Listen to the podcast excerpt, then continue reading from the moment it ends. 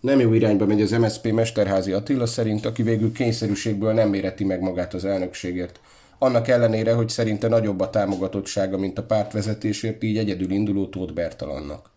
A párt szeptember 19-én rendezi tisztújítását, amely így tét nélküli lesz. A jobbik mintát követve kiszorítósdit játszanak a szocialisták. Mekkora lesz így az új pártvezetés legitimációja? Erről beszélgetünk a Mandiner Podcast mai adásában. Üdvözlöm a hallgatókat, Pálfi Dániel vagyok, mai vendégünk pedig Mesterházi Attila, az MSZP országgyűlési képviselője és korábbi pártelnöke. Én is üdvözlöm a hallgatókat. Szeptember 19-én, azaz holnap rendezik az MSZP tisztújítását, amelyen végül csak Tóth Bertalan jelenlegi pártelnök indul. Önt pedig gyakorlatilag elindulni sem engedték. Csalódott, vagy számított erre? Nézd, olyan szempontból persze van bennem csalódás, hogy ez az egész folyamat, ami most a tisztújítással kapcsolatos, az, az eltért az MSZP-s hagyományoktól. Mi arra nagyon büszkék szoktunk lenni, hogy, hogy, hogy komoly demokratikus hagyományaink vannak, és különösen ez a tisztújítási folyamatokra igaz szokott lenni, amik ilyen eléggé izgalmas, érdekes verseny után szokott eldőlni általában, tehát hogy itt a párton belül ilyenkor sok vita van, fórum, beszélgetés, tehát egy eléggé, hogy mondjam, élő közösség az, amelyik egy tisztítás előtt megtárgyalja a jelölteknek a programját. Most ugye elmaradtak ezek a, a személyes jelenléttel bíró viták is, másik oldalról pedig több olyan változás vagy, vagy esemény történt a tisztítás folyamán, utalnék itt a Pest megyei küldötteknek a, a, a kizárására a kongresszusról, akik ugye kb. 10%-át tették ki a kongresszusi küldötteknek, ráadásul jelentős többségben 90% az én támogatói voltak. Utána átálltunk egy ilyen online kongresszusra, ami bizonyos szempontból érthető, hiszen e, pandémiás helyzet van, de például a múlt vasárnap a párbeszéd megrendezte a kongresszusát különösebb probléma nélkül, e, vagy éppen az Európai Néppárt elnöke arról beszélt, hogy online kongresszuson nem lehet normális tartalmas vitát folytatni, és például a Fidesz kizárásáról sem döntenek, mert azt mondta, hogy e, a titkos szavazást online formában nem tudják garantálni. Tehát magyarul számos olyan esemény volt, ami, ami, ami ennek a folyamatnak talán az átláthatóságát, vagy az én szempontomból nézve a, a tisztességes, demokratikus jellegét megkérdőjelezi, és az az utolsó lépés volt az, amikor egy utolsó utáni pillanatban tulajdonképpen azt a paramétert, vagy azt a feltételt is megváltoztatták, hogy nem minden jelöltre külön-külön szabadon szavazhatnak a kongresszusi küldöttek, hanem bizony egy zárt listát kellett volna leadni. Ez volt az a pont, amikor azt mondtam, hogy jó, akkor én ebben így, ebben a formában tovább nem szeretnék részt venni ebben a folyamatban, és figyelem felhívásként más nem tudtam tenni, mint hogy nem adtam le semmilyen se zárt, se nyílt listát, és kiszálltam ebből a, a, a folyamatból, mert azt gondoltam, hogy az MSZP ennél többet érdemel, ez nem méltó a demokratikus hagyományainkhoz, és ezért jobb, hogy ettől így az ember távol tartja magát, és inkább az elveimhez ragaszkodtam, mint sem a pozícióhoz. Ahogy mondja, végül ön döntött úgy, hogy nem indul el az elnökségért. Nem gondolja, hogy az is felmerülhet a választóikban, hogy ez az egész csak egy áldemokratikus folyamat volt, és ön nem is gondolta komolyan az indulást? Amit itt az elmúlt két-három hétben végigcsináltam, meg amit kaptam különböző olyan személyeskedő megjegyzéseket, hogyha most csak hobbiból tettem volna, akkor egészen biztosan tudtam volna jobb, jobbat is elképzelni időtöltésként. Én valóban komolyan gondoltam azt, hogy lehet, és most is komolyan gondolom, hogy lehet növelni az MSZP támogatását. Erről szólt az én elnökjelölti programom. Ráadásul amire én fókuszáltam volna, az a bizonytalan szavazókból való növekedés. Talán emlékszik még rá, 2010-ben is sokan az MSZP végét vizionálták, azt mondták, hogy ez egy halott pár, nem érdemes vele foglalkozni, és akkor átvettem a, az elnöki teendőket akkor 2010 és 2012 között, tehát ugyanúgy a ciklus első két évében, amiről most múltként beszélhetünk 18 és 20 között, bizony megdupláztam az MSZP támogatását, tehát 16%-ról 32 százalékig tudtuk föltornászni az MSZP támogatását, és volt olyan időszak pont itt a pályázatom megírása közben, utána néztem pontosan, volt olyan időszak, amikor 1-2 százalék különbség volt csak a Fidesz és az MSZP között, mint két nagy párt között. Tehát akkor voltunk utoljára egy ilyen váltópárti státuszban MSZP-ként. Erre alapoztam egyébként a pályázatomat, erre a úgymond szakmai politikai tapasztalatra, és most is azt ígértem, hogy bizony megduplázom az MSZP-nek a, a támogatását két év alatt, de azt is vállaltam, és talán ez, ez fontos, mert lehet, hogy ezt nem sokan hallották, bár próbáltam többször elmondani, hogy azt is vállaltam volna, hogyha nem sikerül növelnem az MSZP támogatását, ugye az nem jó az MSZP-nek, az nem jó a szövetségnek, az nem jó a választási győzelem szempontjából, akkor ne legyen nekem se jó, azaz nem ültem volna be, vagy nem ülnék be a következő országgyűlésbe. Tehát, hogyha valami nem sikerül, akkor annak legyen következménye, tehát legyen következmények nélküli politikai e, vezetőként vezessem az MSZP-t, hanem azt vállaltam, ha nem tudom növelni a támogatást, akkor nem leszek országgyűlési képviselő, még akkor sem, hogyha listáról társelnökként simán bejuthattam volna. Tehát ezzel próbáltam egy morális súlyt is adni annak a pályázatnak, amit egyébként megfogalmaztam és leadtam. Azt továbbra se vontam vissza, azért nem vontam vissza, mert én a magam részéről úgy gondolom, hogy ez egy érvényes pályázati jelölőbizottság átengedte, támogatott engem, tehát a szavazás az most úgy fog zajlani, hogy mondtam, hogy egy zárt listára lehet szavazni, tehát tulajdonképpen Tóth Bertalan versenyez Tóth Bertalannal, úgyhogy a siker garantált. Mennyire jogszerű egy olyan tisztújítás, amelyen csak egy csapat indul el, és mekkora a legitimációja egy olyan pártvezetésnek, akit gyakorlatilag ellenfél nélkül választottak meg? Én, én politikai értelemben tudom önnek ezt megmondani. Politikai értelemben biztos, hogy, hogy erősebb lett volna a tisztításnak a végeredménye politikai legitimáció szempontjából, hogyha ez versenyben dől el, nem pedig hogy egy darab zárt listán, ahol ráadásul az egyébként még majdnem több mint 20 jelölt, akit átengedett a jelölőbizottság, egyszerűen meg sem tudja magát mérettetni, tehát oda sem tudnak állni a kongresszus elé, most a, a virtuális kongresszus elé, hogy megmérjék az ő teljesítményüket, mert nem tudnak szabadon dönteni életünkben először, tehát 30 éve nem volt erre példa a szocialista pártban, tehát életünkben először nem tudnak szabadon választani a kongresszusi küldöttek a jelöltek közül, csak a zárt listára tudnak szavazni. Tehát politikai értelemben mindig jobb egy, egy versenyben elnyerni szabad választás úgymond kategóriájában a, a győzelmet, mint egy ilyen kicsit megerőszakolt folyamat kapcsán. Hogy jogilag milyen legitimációs problémák lesznek, azt olyan értem nem tudom megmondani, nem vagyok jogász, azt tudom, és azt hallottam, hiszen többször nyilatkoztak erről a, a Pest megyei küldöttek pártagok, hogy ők az igazukat mindenféleképpen bíróságon is bizonyítani kívánják. Ez azt jelenti, hogy mivel őket ugye kizárták a kongresszusról, nem tudnak rajta részt venni, ebből kifolyólag ők bírósághoz fognak fordulni. Ilyen szempontból, ha, ha ez a folyamat valóban elindul, akkor lesz jogi kérdőjel is, hogy ez legitimációs problémát jelente, vagy nem, azt most jogilag nem tudom megítélni. Befolyásolná a feloszlatott Pest megyei szervezet küldeteinek részvétele érdemben a tisztújítást? Lehet, hogy épp ők lennének a mérleg nyelve, amely ezáltal önfelé billen?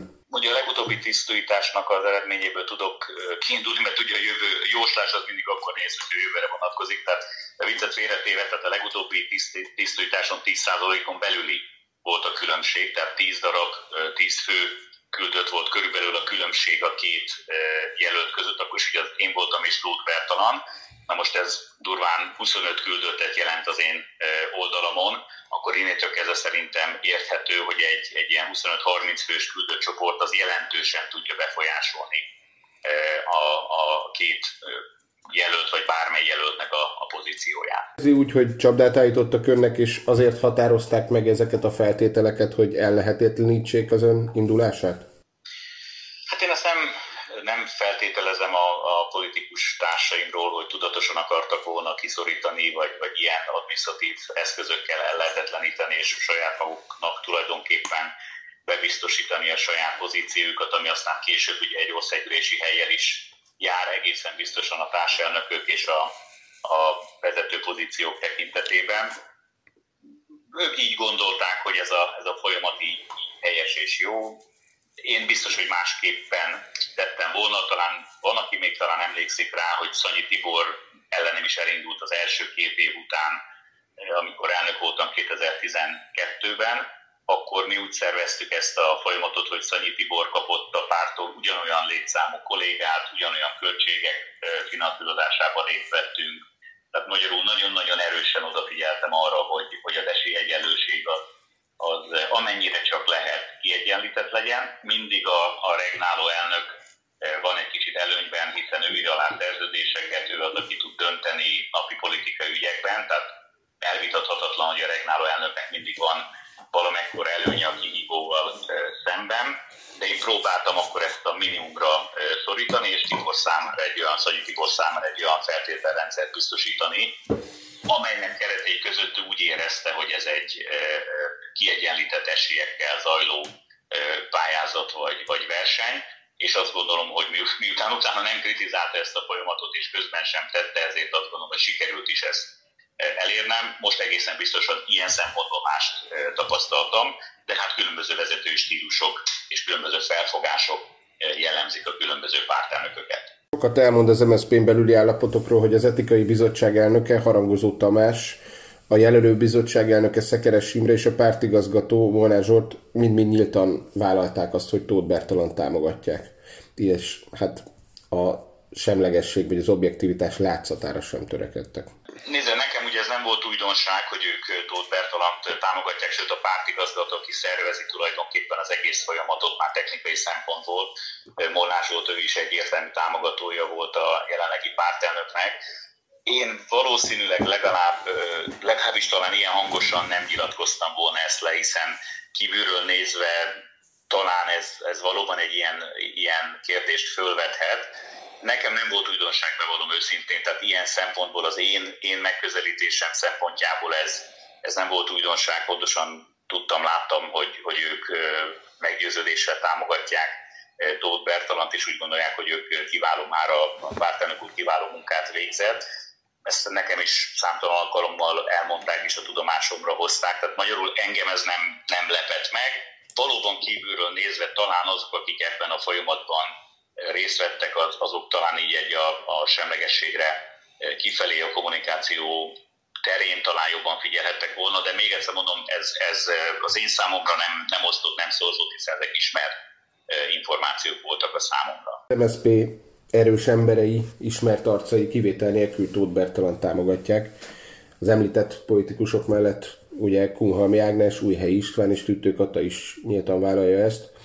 Nem gondolja, hogy elszigetelődött a párton belül?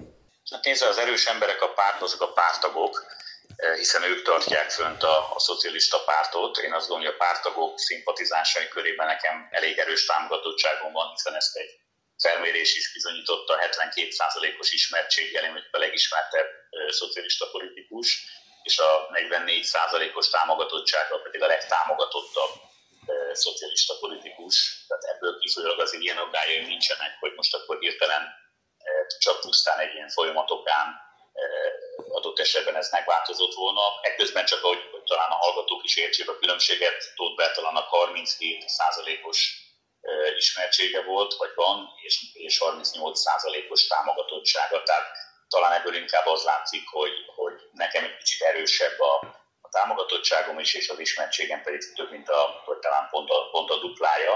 Úgyhogy ilyen elszigetelődést egyáltalán nem tartok, azért hál' Istennek ez, a, ez az MSZP, ez egy nagyobb közösség, mint pusztán azok a vezetők, akik most korábban is ugye egyébként vezetők voltak, és most újra vezetői lesznek a pártnak. Én abszolút respektálom, tudomásul veszem az ő véleményüket, akár még rólam is félreértés ne esik, bár talán a személyeket, személyeskedés vagy a kirekesztő megfogalmazás az talán sosem segít, vagy sosem jó a, a politikában, de lehet, hogy rajta félreértés ne Én inkább csak a jót szeretném bennük látni, meg azt a szándékot, hogy a másképpen is, de valószínűleg ők is a, a, az MSZP-nek a, a megerősítésén gondolkodnak, vagy, vagy azért szeretnének tenni, hogy aztán utána egy választási siker érhessünk el.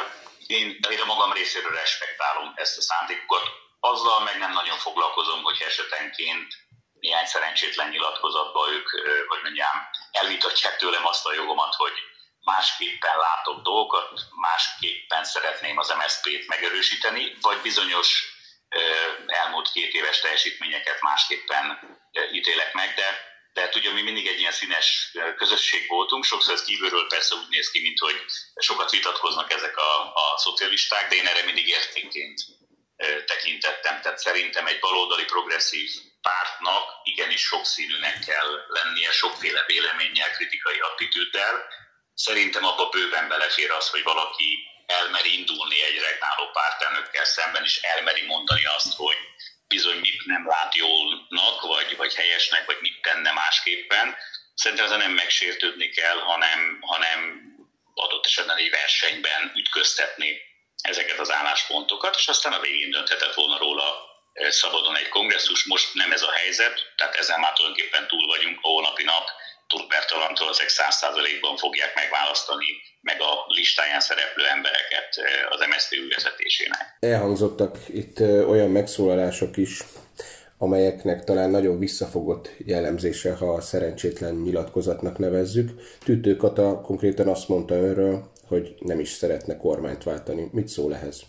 Hát igen, és is mondta, hogy még a követőim se akarnak. Szerintem ezzel úgy, úgy, úgy azt mondanám, akkor sokan fölhívtak, és eléggé tudatosan véleményezték ezt a, ezt a nyilatkozatot. Én nem tennék ilyet, tehát én nem szeretném ezt az árkot mélyebbre ásni. Nagyon jó lesz, hogy holnapra végre véget ér a, a szocialista párt tisztújítása. Remélem, hogy akkor a kollégáim is megnyugodnak, és, és arra koncentrálnak, hogy 20-án is föl kell a nap, és utána egy nagy feladat jön, tehát akkor már nem egy más minősítése a, a, a feladat, hanem sokkal inkább az, hogy együtt közösen egy építkezésbe kezdjünk, és ennek az építkezésnek az kell, hogy legyen a, a célja, hogy növeljük a, a szocialista párt támogatottságát, ezáltal az összefogásnak is a, a támogatását, mert még azért ugyan a remény itt van velünk abszolút, de azért még kell növelni ezt az ellenzéki tortát ahhoz, ha szabad így fogalmazzak, hogy le tudjuk győzni a Fideszt és Orbán Viktort, úgyhogy még sok a feladat, nagy a kihívás,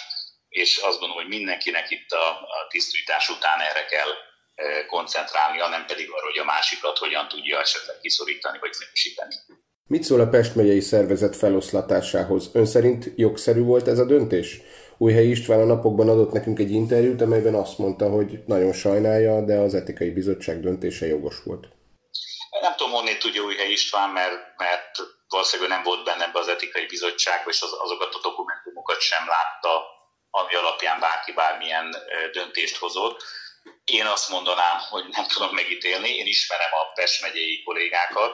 A kollektív büntetés egészen biztosan tévedés, tehát azt, hogy ha mondjuk van egy, kettő, három, akárhány nem jól működő szervezet, vagy nem precízen, a, hogy mondjam, minden adminisztratív teendőnek megfelelő szervezet a 85-ből, amelyik működik Pest megyében, akkor nem biztos, hogy azért mindenkit ki kellett volna vágni a kongresszusról. Sokkal egyszerűbb lett volna talán azoktól elvenni a kongresszusi küldötti jogosítványt, akik valamit rosszul cselekedtek, de azért csak, hogy a hallgatók is értsék, ugye itt nem profi adminisztrátorokról, könyvelőkről és jogászokról van szó, tehát egy alapszervezetben lelkes, sokszor aktivista szintű amatőr politikusok vannak, vagy még csak az sem, hanem csak aktivisták, sok esetben idősebb pártagok, akik a, mondjuk a, a, azt mondják nekik, hogy szkeneljenek be valamit, akkor nem biztos, hogy rögtön megvan hozzá megfelelő eszközük, internetjük és a tudásuk is, hogy ezt hogyan csinálják meg.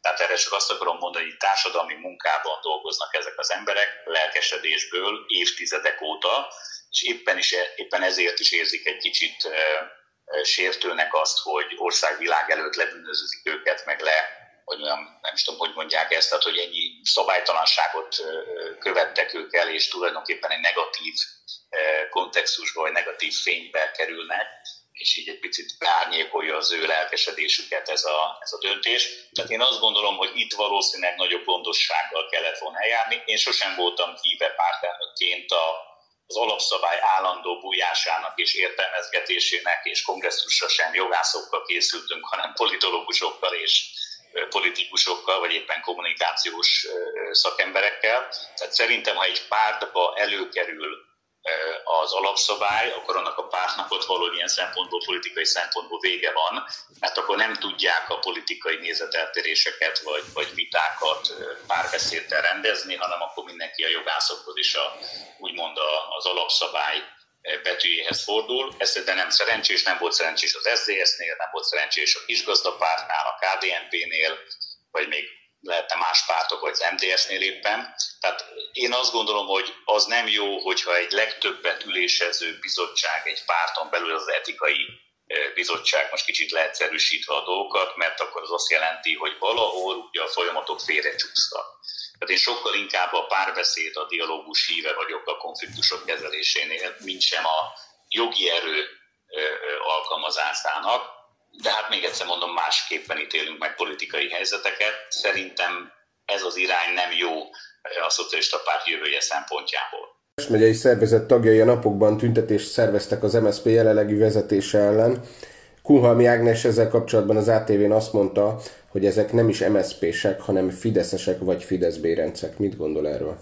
Ezt én eléggé szerencsétlen nyilatkozatnak tartom, talán, talán Ágnes sem gondolta ezt kellően át, amikor elmondta. Én, hogyha jól, láttam azóta, ezek a Pest megyei pártagjaink, ezek a Facebookon föltettek olyan képeket, meg még talán a neveiket is felsorolták, hogy ők voltak azok, akik ott voltak. Nagyon egyszerű volt az oka, hogy miért voltak állarcban. Természetesen ez egy dramaturgiai eszköz volt. Szerették volna fölhívni arra a figyelmet, hogy ők úgy érzik, hogy hát a véleményüket, amikor elmondják, vagy a kritikájukat elmondják, akkor adott esetben rögtön valakit fölfüggesztenek, vagy éppen kizárnak a pártból. Ezt egyébként az egyik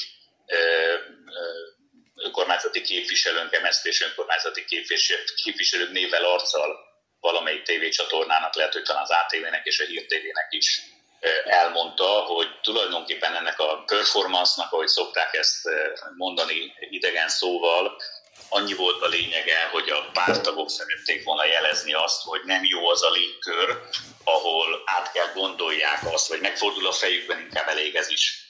Talán így, fogal, így fogalmazok, hogy nem mondanak el egy kritikai észrevételt, vagy nem mondják el az őszinte véleményüket egy politikai vezetésről, egy politikai helyzetről, csak azért, mert utána attól félnek, hogy valamilyen retorzió éri őket, még ha enyhe retorzióról is beszélünk. Tehát én azt gondolom, hogy ez egy teljesen világos akció volt, az igazukat akarják bizonyítani, mivel ezt nem tudták a párt belső fórumai megtenni, én úgy tudom, hogy számtalan levelet, anyagot adtak, juttattak el, úgymond fellebbezésként az etikai bizottságnak, a párt elnöknek, de mivel erre nem nagyon kaptak választ, vagy semmilyen választ, vagy, vagy tartalmi választ, ezért döntöttek úgy, hogy a figyelemfelhívásnak egy más eszközéhez folyamodnak, az egyik egy ilyen demonstráció volt, a másik pedig a jogi peres bírósági út lesz egészen biztosan. A szocialista párt az elmúlt években nagyon sokat veszített a támogatottságából, és a jelenlegi folyamatok sem igazán a választói bizalmat erősítik. Hiller István a napokban adott nekünk egy interjút, amelyben azt mondta, hogy korai lenne még temetni az MSZP-t. Ön hogy látja ezt? Van még jövője a pártnak? Természetesen, tehát amíg van választói igény erre a baloldali szociáldemokrata gondolatra, már pedig van nem is kicsi az igény, a bizonytalan szavazók közül nagyon sokan baloldalinak apostrofálják magukat, addig egészen biztosan szükség van egy ilyen pártra, nem csak Magyarországon, hanem Európában vagy a világban bárhol. Tehát én azt gondolom, hogy ilyen esetben mindig az a kérdés, hogy azt a hidat tudja ácsolni egy párt, amelyik a, a, az ilyen baloldali szavazók és a párt között szükséges ahhoz, hogy bennünket támogassanak. Valóban én egy progresszívebb baloldali politikában hiszek, egy látható, sokszínű, karakteresebb, bátrabb politikában, amiben több akció van, sokkal egyszerűbb kommunikációs üzenetekkel, kevesebb témával, több ismétléssel építjük a saját karakterünket és az üzenetünket, és szerintem nagyon fontos az, hogy az érzelmekre is hassunk, ne csak a, a rációra, ne csak az észre, hanem a, a szívre is. Tehát kell, hogy érzelmi közösséget is szervezzünk a baloldali szavazókból, ne csak egy támogatói kört, amelyik érdek alapon, most az érdek szó pozitív értelemben értem, értek alapján támogat egy-egy, egy másik pártot. Tehát én az érzelmi azonosulásra lehetőséget adó progresszív baloldali politikát hirdettem, hirdetek. Nagyon meg vagyok erről győződve, hogy alapvetően az emberek érzelmi döntést hoznak, amikor politikáról döntenek, még akkor is, hogyha utána persze racionalizálják, meg racionális érvekkel is alátámasztják ezt a döntésüket. És én szerintem az zászlónkra alapvetően azt kellene felírni, hogy az esélyegyenlőtlenségek csökkentéséért küzdünk. Nekünk kellene lenni ebben az összefogásban, és aztán majd reményeim szerint a későbbi koalíciós kormányzásban az a lelkiismeret, amelyik mindig ezen a szemüvegen keresztül nézi a, a kormányzati döntéseket, vagy egy választási programot, vagy politikai programot. Talán ez Horn Gyula óta benne van a választók fejében, hogy a, a szocialisták, az MSZP-sek azok mindig az elesettekért, azokért állnak ki, akiknek a hangja nem hallatszik annyira messze, akik károsultak, mondhatom úgy is, akik az Orbán egyszer károsultjai. Régen ugye ezt úgy fogalmazták meg, talán ön is emlékszik rá, hogy hogy Hongyula kisembert képviselte, lehet, hogy ma már ezt talán másképpen kéne megfogalmazni, de, de szerintem kifejezi a lényeget, hogy mire lenne ma is szerintem szükség. Ennyiben abszolút egyetértek Hiller Istvánnal, szerintem ez helyesen látja, hogy van igény, sőt én úgy fogalmaztam, hogy történeti küldetése van a szocialista pártnak Magyarországon és, és, és egy új Magyarország felépítésében is, úgyhogy én is úgy gondolom, hogy korai temetni a szocialista pártot. Az tény és való viszont, hogy történelmi mélyponton van az MSZP támogatottsága, tehát ilyen, ilyen alacsony támogatottság még 1990-ben a rendszerváltáskor sem volt, amikor azért nem állt olyan jól az MSZP-nek a szénája, finoman fogalmazva. Úgyhogy van, van feladat, van teendő, hiszen ebből a 6%-ról, eh, ami a biztos pártválasztók körében van, hogy a teljes lakosságban 4-5 százalékra azért fölfelé kellene elmozdítani az MSZP-t, és ez azért is nagyon fontos, mert az MSZP nélkül, vagy úgy mondanám, hogy az MSZP-s szavazók nélkül ugye nem lehet elérni a, a, az általunk vágyott kormányváltást, persze a többi párt szavazói nélkül sem, de, de az is biztos, hogy az az állítás is igaz, hogyha baloldali MSZP szavazók valamilyen okból még tovább amortizálódnak, vagy fordulnak el a politikától, vagy otthon maradnak, akkor bizony ezek a százalékok nagyon hiányozni fognak majd a választási küzdelem során az összefogás mögül. Ezek a folyamatok, amik jelenleg az MSZP-ben zajlanak, kísértetiesen hasonlítanak arra, ami a Jobbikban történt az elmúlt években. Gondolok itt arra, hogy nagy mértékben csökkent a támogatottságuk, emiatt nyilván belső konfliktusok alakultak ki, meghatározó politikusok távoztak, például Szanyi Tibor, és alapítottak új pártot. Nem gondolja, hogy az MSZP-ben is pártszakadás lesz ennek a vége? Nem pártszakadás nem, nem lesz ebből, mert ugye az kellenek felek, akik valamit szakítani akarnak. Én ilyet nem látok most a, a, az MSZP-ben. Az tény és való, hogy a sajnálatos, hogy akár Szanyi Tibor, de hát mondhatom Botka Lászlót, aki az egyik legmeghatározóbb politikusa volt a, a, az MSZP-nek, és hát egy sikeres nagyváros, vidéki nagyváros polgármestere de volt ugye két budapesti polgármesterünk is, aki a DK-ba lépett át, vagy a korábbi e, budapesti ügyvezető alelnök szintén átlépett a DK-ba, és most már ő ott a, a DK-ban lett tulajdonképpen e, a budapesti elnök. Szerintem ezek mind-mind fájdalmas veszteségek, tehát én nem úgy értem meg ezt, ahogy néha szokták mondani, hogy hát aki akar menni, az menjen, és akkor legalább tisztul a párt, meg voltak ilyen megfogalmazások, szerintem ezektől az emberektől nem tisztul a párt, bocsánat, tehát hogy ez nem jó megfogalmazás. Inkább azt kellett volna megkérdezni, hogy vajon miért mentek el, mi volt az az ok, ami miatt ők úgy gondoltak, hogy például a DK-ban nagyobb lehetőséget, vagy, vagy nagyobb, hogy mondjam, hát igen, talán ez a legjobb szó rá, hogy nagyobb, nagyobb teret látnak saját maguk számára. Ugyan Botka független lett, tehát ő nem ment sehová se ilyen szempontból, de mégiscsak ott hagyta azt a pártot, amit ha jól emlékszem, a Laci mindig azt mondta, hogy 18 éves kora óta volt pártag, tehát egy nagyon hosszú múltja volt ebben a közösségben. Tehát igen, ezek a folyamatok, hogy konkrétan is válaszoljuk a kérdésére, nem szerencsések. Hát most aki azt mondja, hogy ez így jó, az szerintem, bocsánat, bolond, vagy nem mond igazat. Tehát éppen ezért kellene valamint változtatni, hogy ez a, ez a folyamat ne erősödjön, hanem forduljon visszára, visszájára, és inkább hozzánk jöjjenek akár, akár új politikusok, bár szerintem az nem cél, hogy egymástól úgymond csaklizzunk el se szavazókat, se pedig politikusokat, mert attól összességében a, ez az együttműködés vagy összefogás nem megy semmire se, hogyha egymás között osztogatjuk a politikusainkat, meg a, meg a támogatóinkat. Tehát magyarul én egy olyan politikát tartok helyesnek, ami integrál, amelyik összefog kívül belül, tehát az MSZP-n belül és természetesen az MSZP-n kívül, és hát közösen indult feltűrve azon dolgozik, hogy bővítse a, a szavazóknak a, a létszámát az összefogás mögött. 2019-ben indult önnel szemben egy etikai vizsgálat a pártban, akkor megúszta a kizárást. Nem fél attól, hogy csak ürügyet keresnek arra, hogy eltávolítsák a pártból? Nem, nem, én nem látok erre semmilyen jelet. Valóban akkor volt egy személyes konfliktus, aminek aztán egy ilyen etikai vizsgálat lett a, a, az eredménye, az lefolyt az az etikai vizsgálat, és aztán e, tulajdonképpen egyhangon az lett a végeredménye, hogy, hogy nem történt ilyen e, úgymond retorzió vagy, vagy kizárás a pártból. Szerintem nem lenne szerencsés, hogyha esetleg valaki azt gondolná, hogy ebbe az irányba megyünk, hiszen minél több ismert és bizonyos körökben elismert politikusnak az elvesztése az bizony nagyon fájhat minden egyes pártnak különösen hogyha volt pártelnökről, volt miniszterelnök jelöltről, a NATO parlamenti közgyűlés elnökéről beszélünk, akkor egészen biztosan az majd próbálja történne.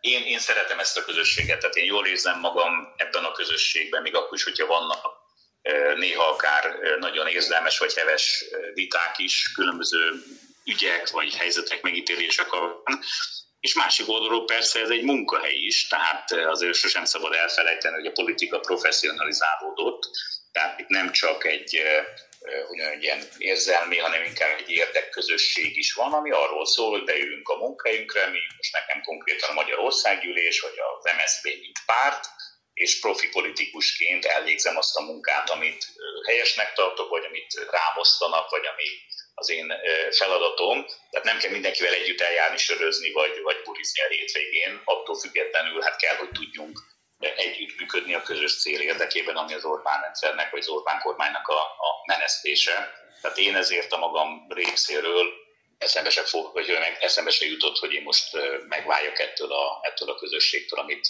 most nem tudom, ha én is mondhatom, az ezer óta tisztelek és szeretek. Akkor ezek szerint fel sem merült önben, hogy távozik a pártból. Ez azt jelenti, hogy beáll a sorba, elfogadja a helyét és követi a jelenlegi vezetést?